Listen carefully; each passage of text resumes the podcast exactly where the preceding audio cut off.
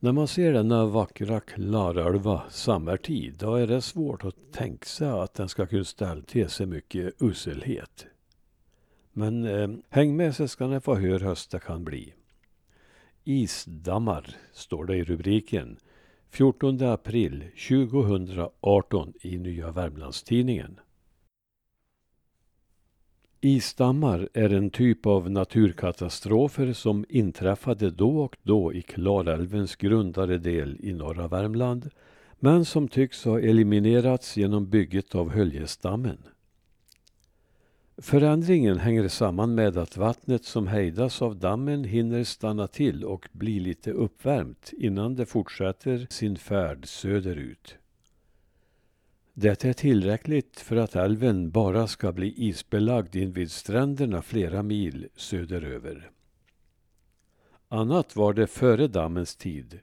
Då kunde snörika vintrar i kombination med snabb snö och issmältning orsaka stora skador längs Klarälven just i och kring älvens grundare partier mellan Höljes och Vingängssjön.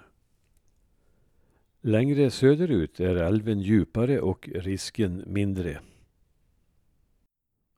Det hände alltså vissa vårar att isen just i islossningen bildade block som förenade sig med timmerstockar och tornade upp sig till riktiga isberg och de vattenmassor som tryckte på flödade ut över omgivningen. Stora skador åstadkoms när det var som värst. 1928 är ett årtal som stannat i minnet. Då bildades flera sådana dammar och den som ställde till den största förödelsen var den som uppstod i norra delen av Sysslebäck vid Näckåbron. Is och timmerstockar växte till en tio meter hög damm som styrde undan en stor del av Klarälvens flöde så att den mer låglänta västsidan svämmades över. Vattnet nådde på vissa ställen långt upp på husväggarna och flera gårdar fick utrymmas. Några till och med flyttades för att komma på säker mark.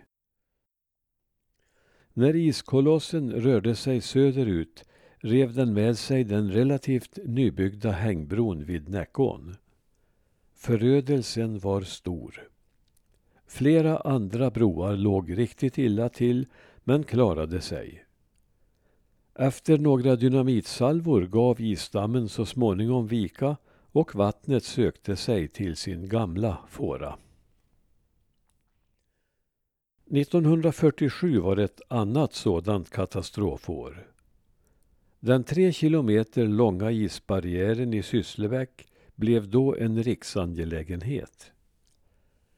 Tidningen C ansåg händelsen så speciell att man skickade upp stjärnfotografen Lennart Nilsson i ett flygplan och bilder från detta och från marknivå fyllde fyra tidningssidor och prydde ett spektakulärt omslag. I texten beskrivs hur tjälen i marken räddade åkermarken från att spolas bort. Att man undvek att spränga dammen med dynamit berodde på risken för att vattnet skulle bryta nya vägar. Det löste sig den här gången också. I ett tidningsklipp från 1966 berättar Oskar W Persson från Kärrbackstrand om en dramatisk händelse som utspelades i slutet av april 1844. Det var vid en annan utsatt älvsträcka i Norra Finnskoga. Två pojkar, Lars och Per från Balkåstorp, höll till nere vid spikgården där de kärade och lagade båtar. Något uppströms hade en isdamm bildats mitt över älven och eftersom detta var långt innan det fanns någon bro i närheten förekom det att folk gick över älven på den upptornade isen. Detta var förstås ett oerhört vågspel. Dammen kunde ju sättas i rörelse när som helst och det uppdämda vattnet komma med full kraft.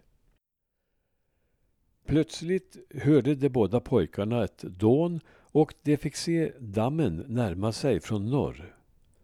Mitt i ismassorna upptäckte de en människa. En människa som var vid liv och rörde sig. De lyfte snabbt ner båten de höll på att jobba med och satte den i vattnet, väl medvetna om den fara de själva utsatte sig för. Lars satte sig vid årorna och Per skötte båtshaken. Dammen närmade sig snabbt och då fick de se vem människan var som befann sig där i största nöd.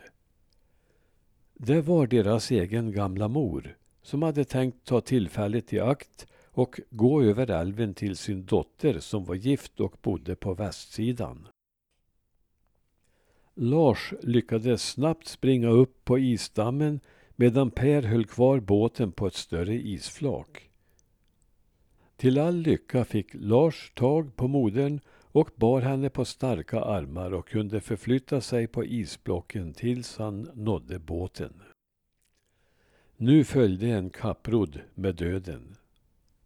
Längre ner låg älven isbunden och det gällde nu att komma i land innan ismassorna norrifrån klämde fast dem mot iskanten där.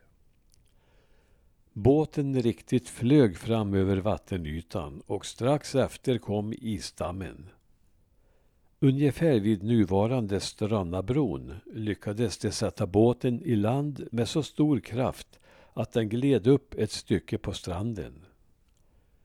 Pojkarna hoppade ur och drog skyndsamt upp båten så långt de hann och lyfte upp modern och satte henne och sig själva i säkerhet. Stöd för sanningshalten i denna berättelse kan man få om man läser Erik Telanders beskrivning av hur utsatt denna älvsträcka var för isdammar. Han berättar i sin bok om skräcken man kände varje år inför islossningen. Man sov bara på ett öra och var beredd på det stora dånet som föregick isen. Nära Spikgården hade man i början av 1900-talet byggt en stendamm som skydd, mest för att hindra timmerstockar från att flyta in i bakvattnet. Men något säkert skydd mot den stora naturkraften fanns inte.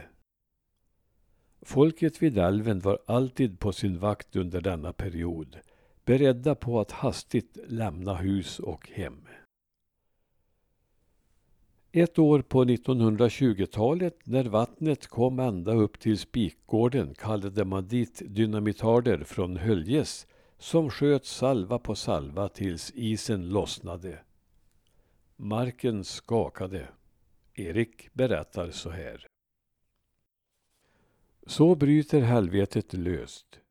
Isarna i den riktiga älven knakar faktiskt loss, rör på sig. Timmerstockar pekar kors och tvärs mot himlen, svänger och bryts tvärs av.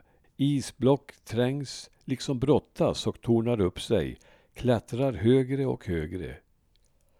Ett flera meter högt islandskap med timmerstockar pressade in i packisen brakar sakta söderut.